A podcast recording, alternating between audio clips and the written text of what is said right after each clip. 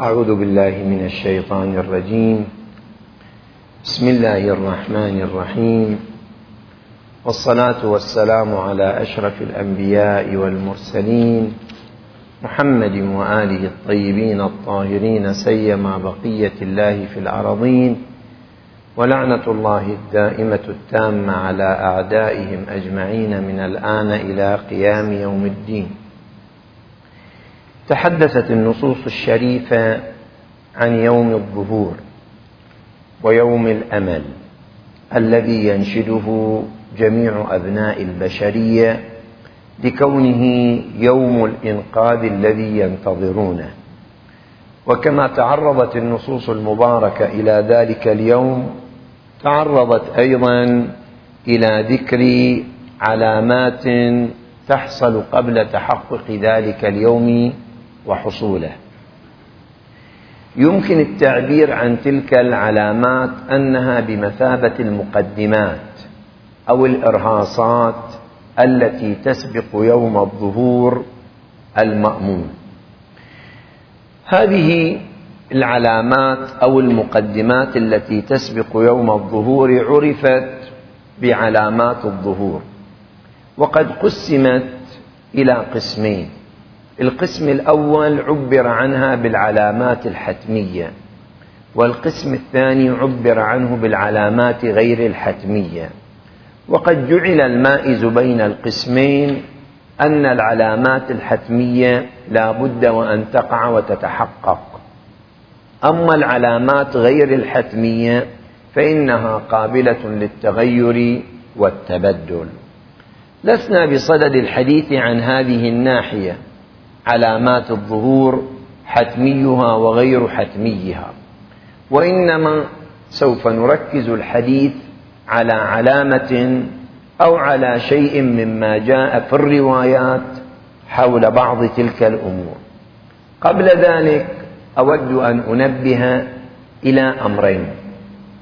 الأمر الأول مع أن الأعلام قد عبروا عن علامات الظهور بأن بعضها حتمي إلا أن عندنا رواية عن الإمام الجواد عليه أفضل الصلاة والسلام يستفاد منها وقوع البداء في بعض العلامات الحتمية أو وقوع البداء في العلامات الحتمية. وقوع البداء في العلامات الحتمية مدعاة إلى الالتزام بأن تعريف العلامات الحتمية بأنها علامات لا تقبل أو علامات حتمية الوقوع والتحقق الجزم به صعب. عندنا رواية عن الإمام الجواد تشير لهذا المعنى.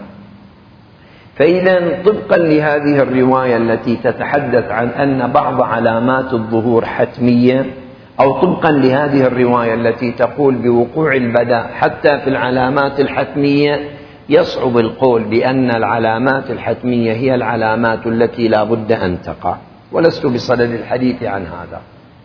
التنبيه الثاني الذي ينبغي الالتفات له في المقام هو الروايات وإن اشتملت على تعداد علامات للظهور.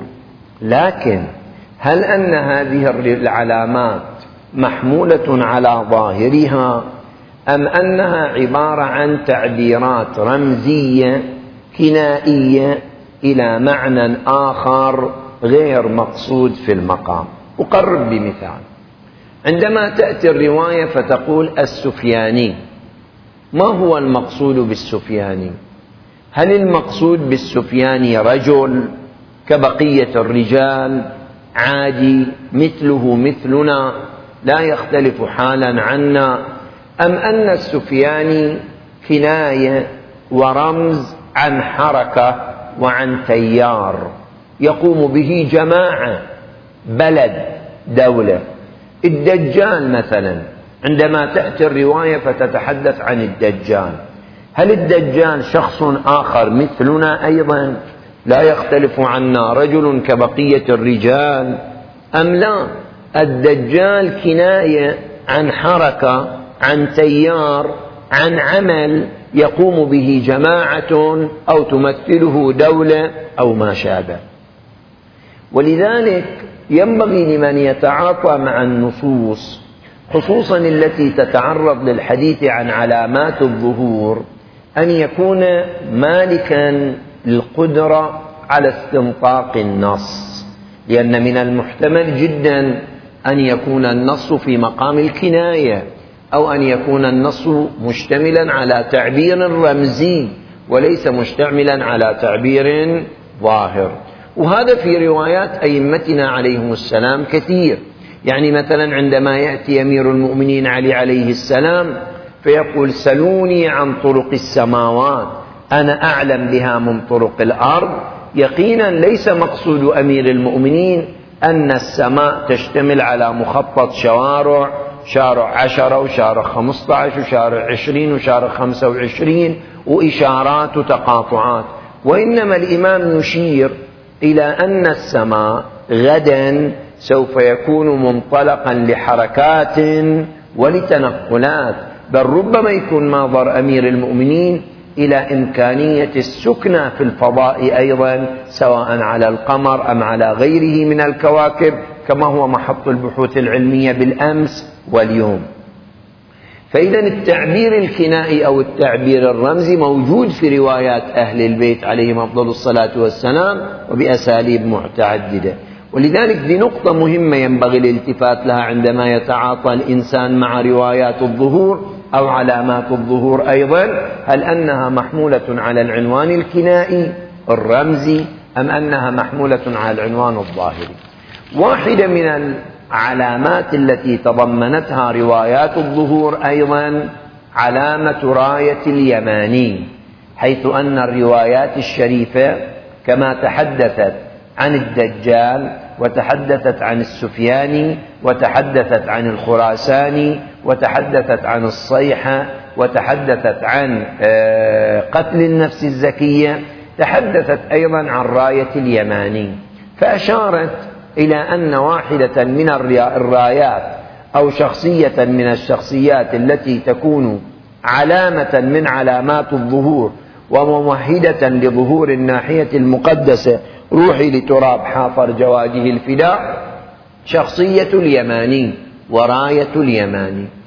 هذا عندما نتحدث عن اليماني يدعونا لمجموعة أسئلة. أولا من هو اليماني؟ اثنين بلد اليماني ما هي؟ ثلاثة ما هي؟ ما هو الموقع الجغرافي لرايته؟ أربعة ما هي عقيدته؟ وكيف يتحرك إلى آخره؟ لمجموعة من الأمور إذا أردنا أن نتحدث فيها عن شخصية اليماني لا بد أن نلتفت إليها.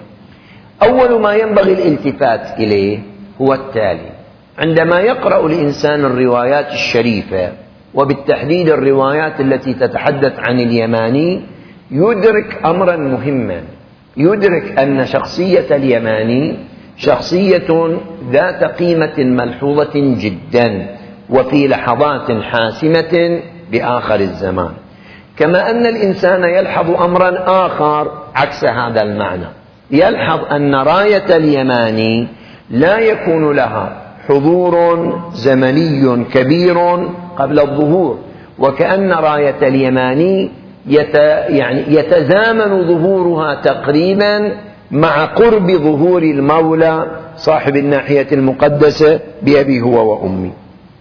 أيضا الشيء اللطيف الذي يلحظه الإنسان أنه عندما يعود للروايات المباركة يجد أن الروايات وإن تعرضت للحديث عن وصفه للحديث عن شخصيته لكن شخصية اليماني والوصف الذي ورد في الروايات الشريفة أيضا ليس مشهورا أو معروفا فيه وإنما تتبلور شخصية اليماني وأوصافه نتيجة مجموعة من الأحداث والظروف الموضوعية التي تواكب ذلك الزمان وعلى إثرها يكون الوجود أو الظهور لشخصية اليماني. ولذا يمكن أن نقول بأن ظروف شخصية اليماني وظهورها إنما هي مستلة من خلال الأحداث حتى أن الناس لا يعتقدون أن هذا هو اليماني أو لا يتصورون أن هذا هو اليماني وفجأة نتيجة مجموعة من الظروف والأحداث آه، الأشياء الواقعة تتبلور تلك الشخصية فتبرز. هي شخصية موجودة منصوص عليها.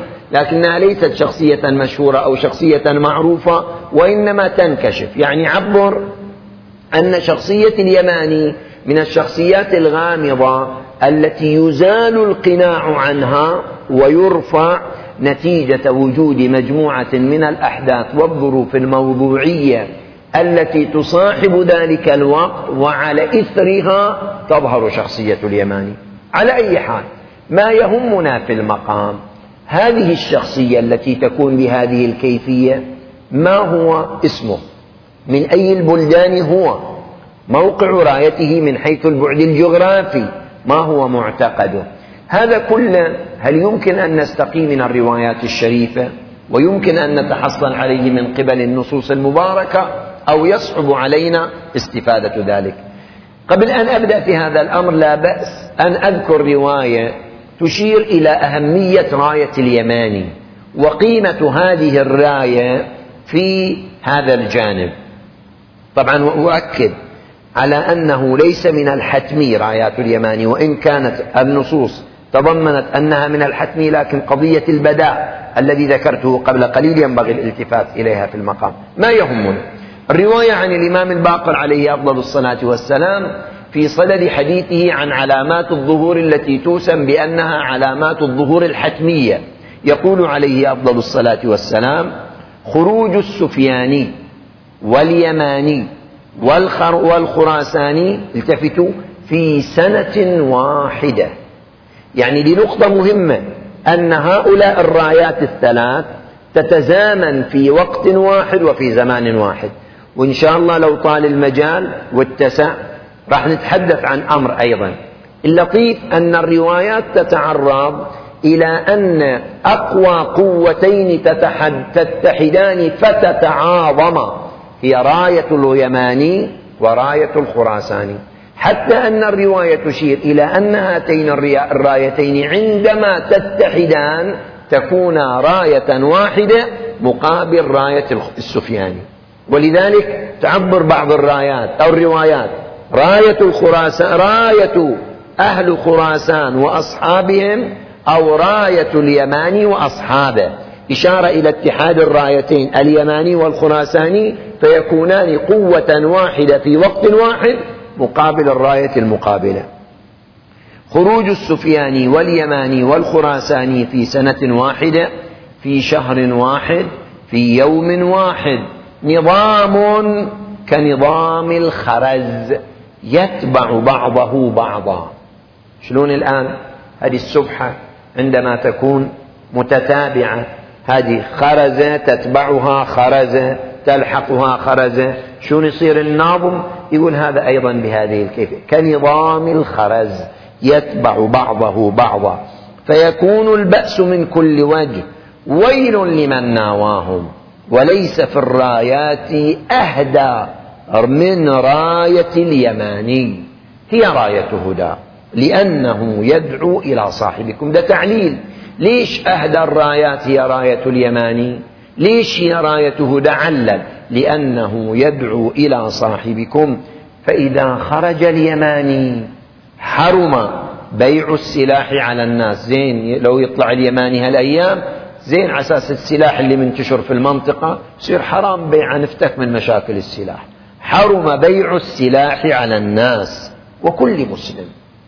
وإذا خرج اليماني فانهض إليه فإن رايته راية هدى. ولا يحل لمسلم أن يلتوي عليه فمن فعل ذلك فهو من أهل النار لأنه يدعو إلى الحق وإلى صراط مستقيم. إذا الراية تتحدث عن رأية اليماني. وتشير إلى مجموعة من الصفات التي تمتلكها راية اليماني إذ وصفها الإمام الباقر عليه السلام بأنها راية هدى بأنها راية تدعو إلى الحق بأنها راية تدعو إلى صراط مستقيم. وفي المقابل ذكر الإمام الباقر عليه أفضل الصلاة والسلام أن كل من خالف راية اليماني فهو من النار. ولذلك عبر لا يسوغ أو لا يجوز لمسلم أن يلتوي على راية اليماني. يعني لا يجوز لمسلم أن يخالف راية اليماني ويبتعد عنها. طبعا هذا الآن إحنا ده كله على قولتهم في مقام الكبرى. الحديث الآن في الصغرى. من هو اليماني؟ نريد نتعرف من هو اليماني الذي تكون رايته راية الحق. والتي تكون رايته راية الهدى والتي تكون رايته تدعو إلى الصراط المستقيم. الذي تكون رايته هي الراية التي لا يجوز لمسلم أن يلتوي عليها وأن من فعل ذلك فهو من أهل النار. لذلك عندنا هالأسئلة من هو اليماني؟ من أي بلد؟ موقع الجغرافي لرايته؟ معتقده خلينا نبدأ واحد واحد بمقدار ما يسع المجال. أولا من هو اليماني؟ لاحظوا اليماني هنا في المقام هذا وصف اليماني أو نسبة لكن نسبة لماذا؟ هل هو نسبة إلى اليمن؟ فيستفاد من ذلك أن اليماني من أهل اليمن فيكون من أبو يمن على تعبيرنا أو لا اليماني ليس نسبة إلى جمهورية اليمن وإنما نسبة إلى مكان آخر. قد يتصور البعض أن اليماني ليس نسبة لليمن. ويقرر أنه منشأ هذا المعتقد أن اليماني من بلاد اليمن رواية رواها شيخنا الصدوق رضي الله تعالى عنه في كتابه كمال الدين وإتمام النعمة وخروج راية اليماني من اليمن. يقول هذا التصور منشأه هذه الرواية. تالي يذكر أن هذه الرواية مروية أيضا بنفس السند وبنفس المتن وفي مصادر متعددة لكنها لا تكون مشتملة على التعبير بكلمة اليمن. خروج اليماني خروج السفياني تالي يقول خروج اليماني من دون أن تكون متضمنة للتعبير بكلمة من اليمن. وبالتالي يقول الجزم بناء على هذا. منشأ الشبهة. أن اليماني من اليمن. هذه الرواية مع أن الرواية ليست كذلك. ويذكر أيضا أن من المحتمل أن يكون اليماني نسبة لليمن صحيح ويمكن أن يكون اليماني نسبة لليمن بمعنى البركة ويحتمل أن يكون المقصود من اليماني يعني صاحب اليمين أن يمينه مثلا فيها علامة أو فيها أمارة مثلا أو ما شابه وبالتالي يعبر عنه باليماني لأن في يمينه علامة علامة العطاء علامة الجود علامة الكرم. أو شيء ما بالنتيجة اشتملت أو التعبير ينسب إلى اليماني نسبة إلى يده اليمنى فالتعبير هكذا. دي محتملات. إحنا في هالمقدار نجي. هل هذه المحتملات مقبولة أو غير مقبولة؟ التفتوا. بداية عندما نأتي للحديث عن اليماني وعن بلده. قبل نتحدث عن بلده أولا من هو اليماني؟ قلت عندما نعود للروايات الشريفة نجد أن النصوص المباركة تعرضت إلى ذكر اسمه والروايات التي تعرضت لذكر اسمه قد رددت اسمه بين اسمين. بعضها عبرت عنه بحسن وبعضها عبرت عنه بحسين. ولعل الترديد وهو غير بعيد أن الترديد منشأه الراوي وليس الترديد منشأه المعصوم. يعني الترديد أن اسمه حسن أو أن اسمه حسين لم ينجم من الإمام عليه السلام أو من المعصوم وإنما كان منشأه الراوي. أيضا نجد بعض الروايات عبرت عنه بنصر وسمته نصر الله. وبعض الروايات عبرت عنه بسعيد وبعض الروايات عبرت عنه بمنصور. وغير ذلك. راح أشير اللطيف أن أغلب روايات أهل البيت عليهم أفضل الصلاة والسلام إن لم تكن أكثرها ركزت على أن اليماني هو المنصور. ركزت على أن اليماني هو المنصور. وكانت دائما وأبدا تعبر عنه بالوصف ولا تعمد إلى ذكره بالاسم. ولعل ذلك من باب الإشارة إلى وصفه أولى من الإشارة إلى اسمه. مثلا عندنا من الروايات. يخرج ملك يخرج ملك من صنعاء. اسمه حسين أو حسن. الرواية اللي قلت رددت اسمه بين حسن وحسين والذي يبدو أن الترديد ليس من المعصوم عليه السلام وإنما منشأ الترديد هو الراوي. الراوي ردد الاسم بينهما. فيذهب بخروجه غمر الفتن. يظهر مباركا زاكيا فيكشف بنوره الظلماء ويظهر به الحق بعد الخفاء. لاحظوا هذه الرواية تذكر أن اسمه حسن أو أن اسمه حسين وتردد بين هذين الأمرين وتشير إلى بلده عندنا رواية ثانية أيضا تشير إلى أن اسمه نصر الله. وأن تسميته بنصر لنصر الله سبحانه وتعالى له. ففي الرواية عن النبي محمد صلى الله عليه وآله قال صاحب الأعماق الذي يهزم الله العدو على يديه اسمه نصر لنصر الله له. فأما اسمه فسعيد. النبي صلى الله عليه وآله يشير إلى وصفه فيصفه بأنه منصور أو بأنه ناصر وذلك لأن الله عز وجل ينصره وإلا فاسمه الحقيقي هو سعيد وليس اسمه نصرا طبعا أغلب الروايات كما قلت وأكرر الواردة عن أئمتنا عليهم أفضل الصلاة والسلام تركز على أن تركز على الحديث عن وصفه وتعبر عنه بصفة المنصور وتكرر هذا المعنى.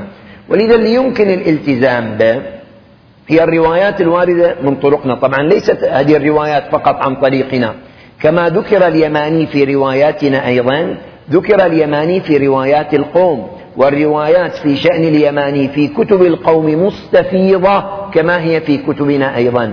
بل لعل روايات اليماني في كتب القوم أكثر من روايات اليماني في كتبنا وهي على شرط الشيخين صحيحة في أكثر كتب القوم. على أي حال الموجود في روايات أهل البيت أو أغلب روايات أهل البيت عليهم السلام الحديث عنه بوصفه والتعبير عنه بمنصور أكثر من التعبير عنه باسمه. إذا ما يهمنا في البداية أن اليماني هو المنصور الذي يظهر في اليمن. نجي الآن للناحية الثانية. من أي البلدان هو؟ هل اليماني من بلاد اليمن أم لا؟ قد يدعي البعض أن اليماني ليس من بلاد اليمن وإنما اليماني هو رجل يظهر في إحدى مدن الجزيرة العربية فقد يكون في العراق مثلا أو قد يكون في الحجاز أو قد يكون مثلا في أطراف هذه المناطق. وليس شرطا أن يكون اليماني موجودا في بلاد اليمن. أو ليس شرطا أن يكون اليماني يمانيا. قد يعلل ذلك بما ذكرت قبل قليل وأشير بصورة واضحة أن موجب ذلك توهم البعض الرواية التي تشير إلى أن اليماني يخرج من بلاد اليمن وأن النسبة عادة بكلمة اليماني لا تكون إلا لمن كان من بلاد اليمن. ويدفع بأن رواية الرواية التي تضمنت التعبير باليماني يخرج من بلاد اليمن كما ذكرت منقولة. نفس الرواية بنفس السند من دون أن تشتمل على هذا التعبير.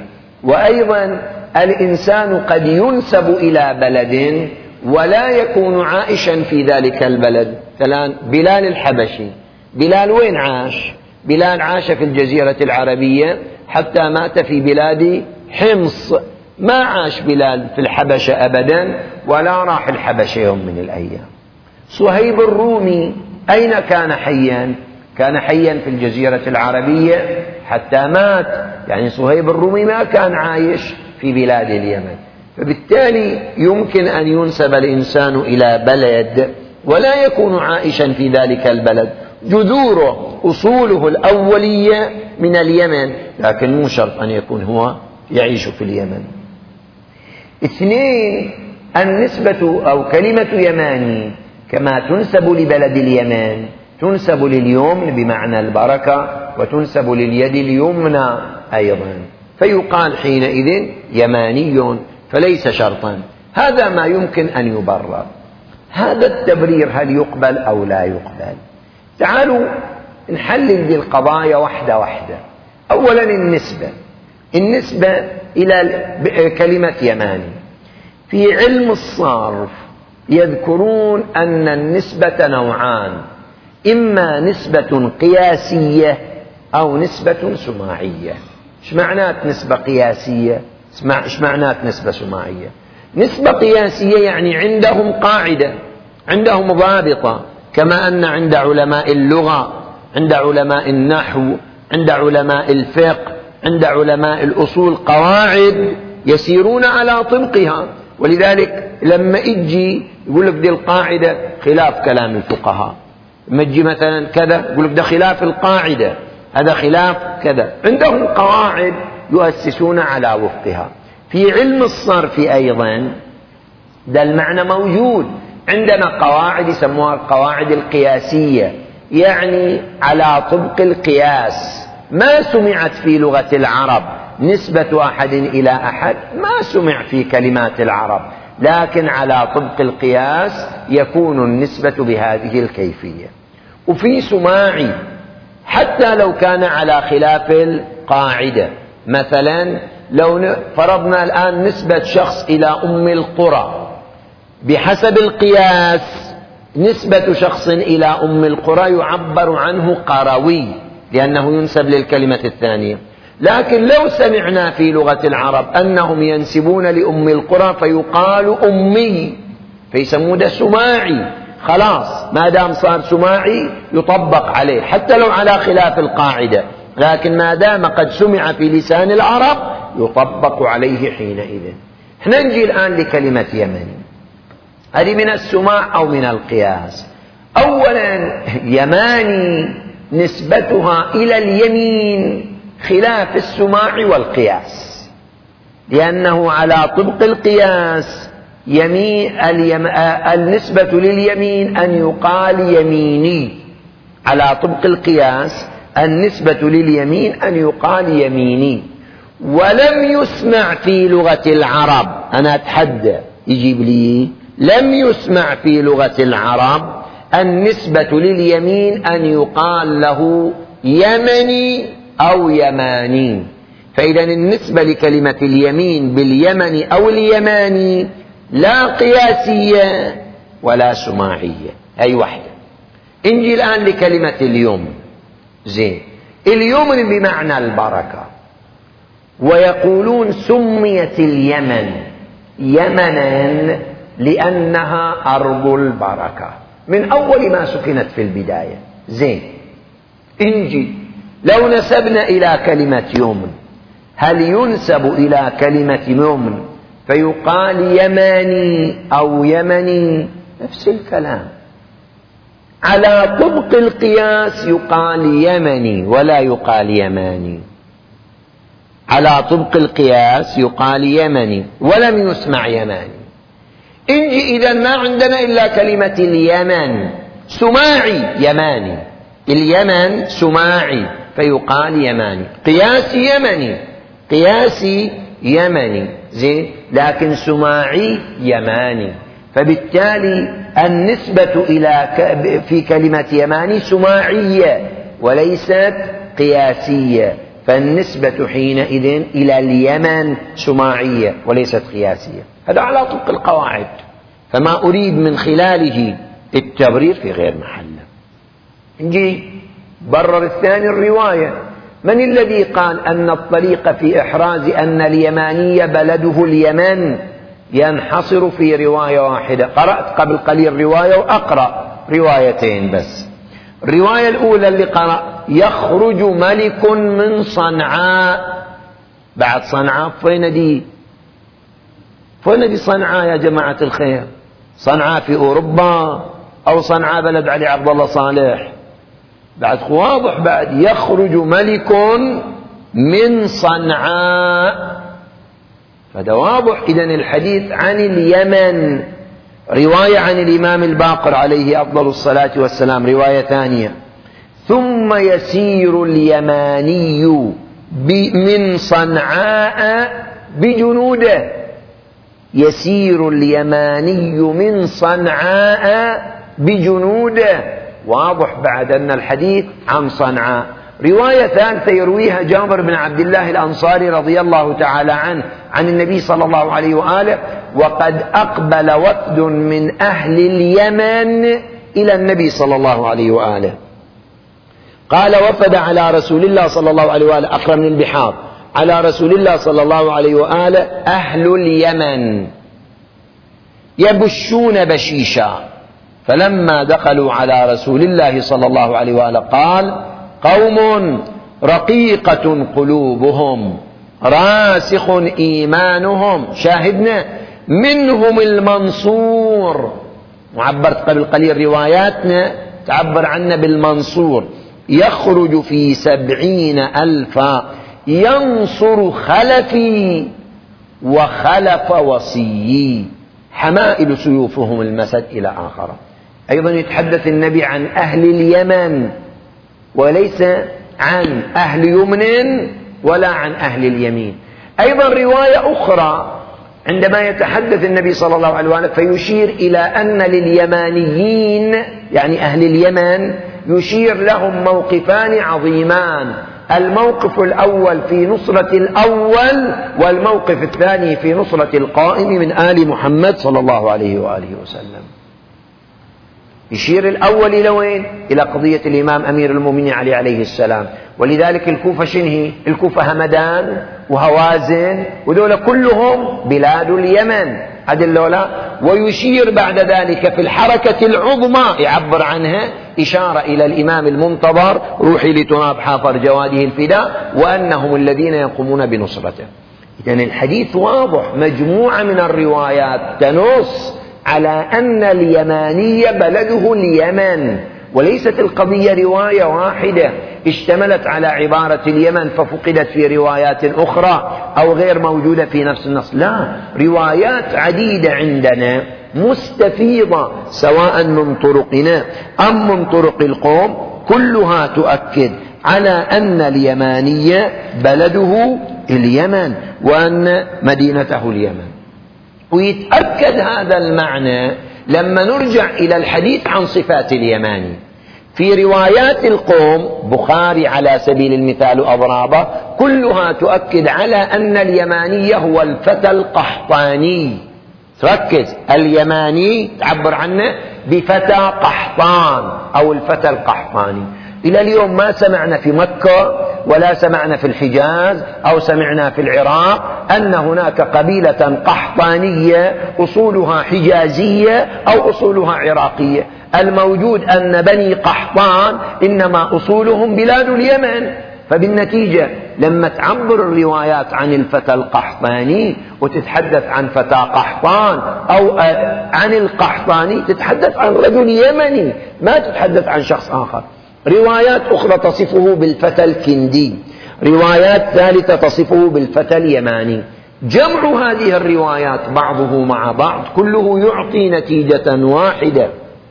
أن بلد اليماني هي بلد اليمن واليماني نسبة إلى بلاد اليمن وليس نسبة إلى أخرى. وهذه روايات مستفيضة في كتب الفريقين سواء في كتبنا أم في كتب غيرنا.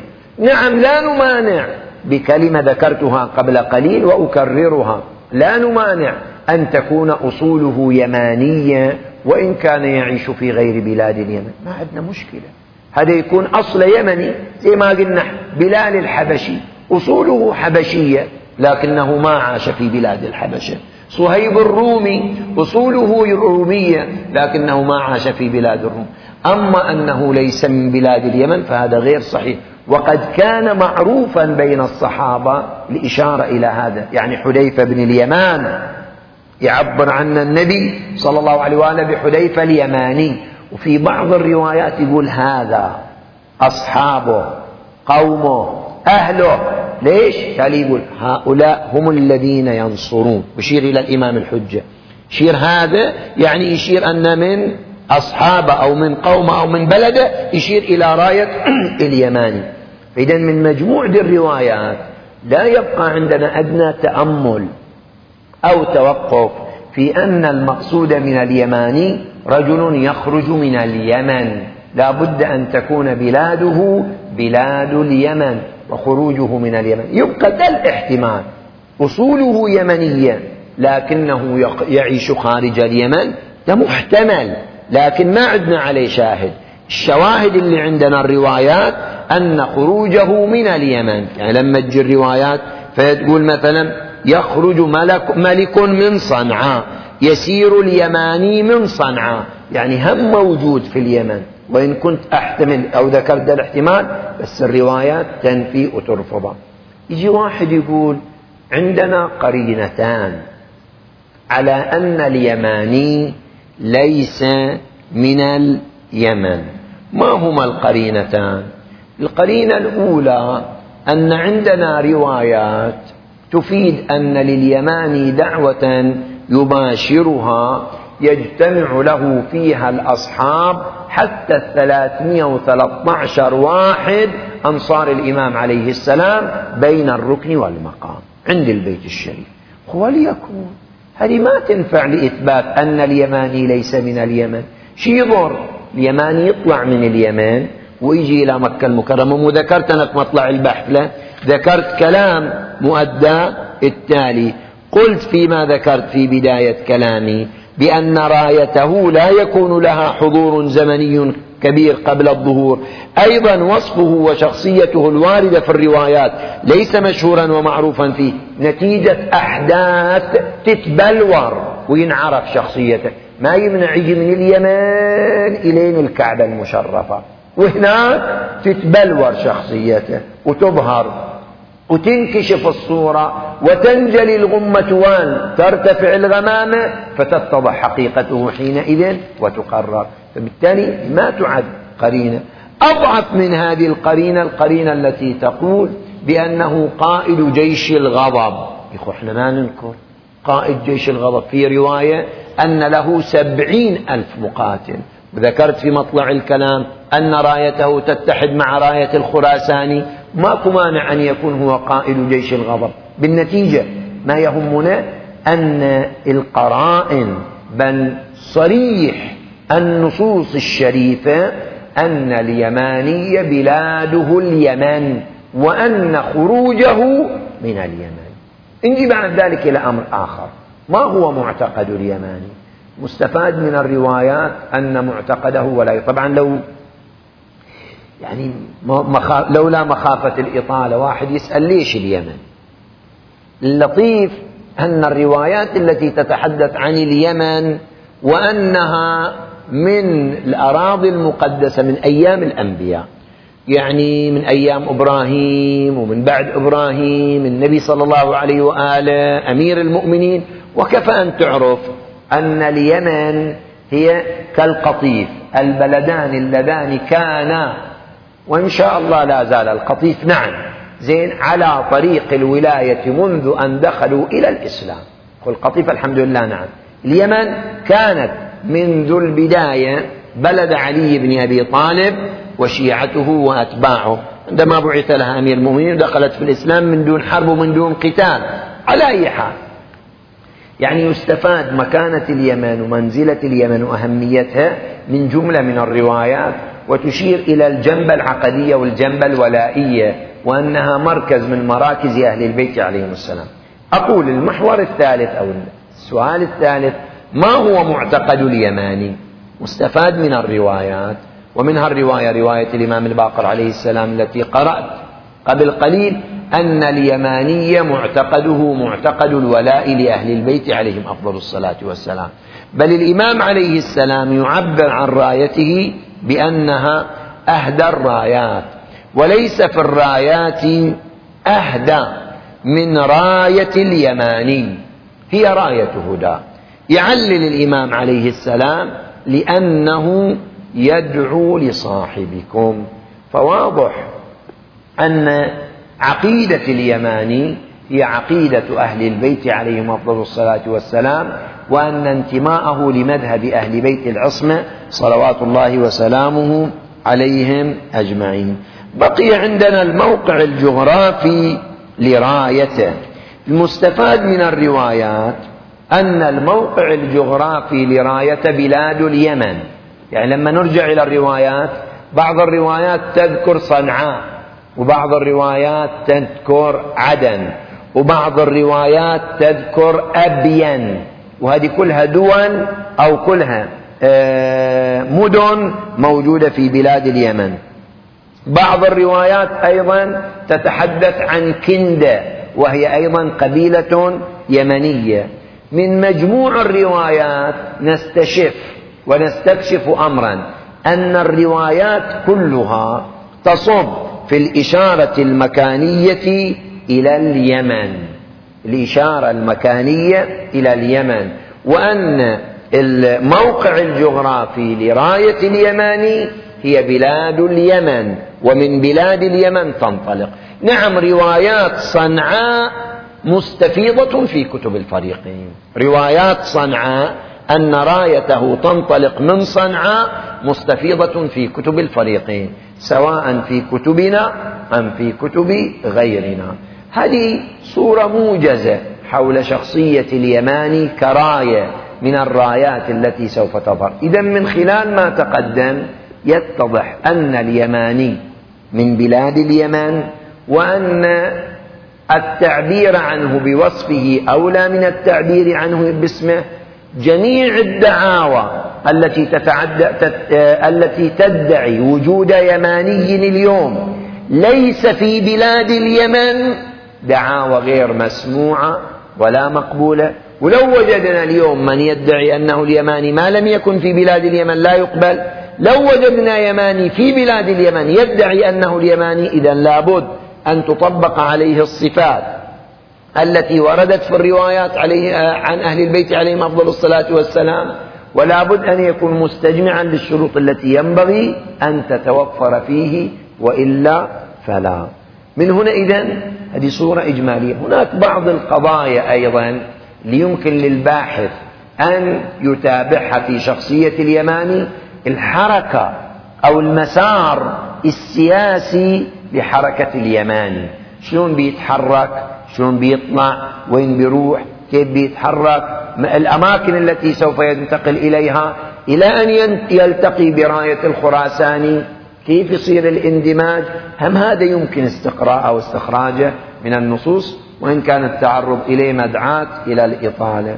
بهذا المقدار أكتفي. أسأل الله عز وجل أن يجعلنا وإياكم من المنطوين تحت راية صاحب الزمان روحي لتراب حافر جواده الفداء.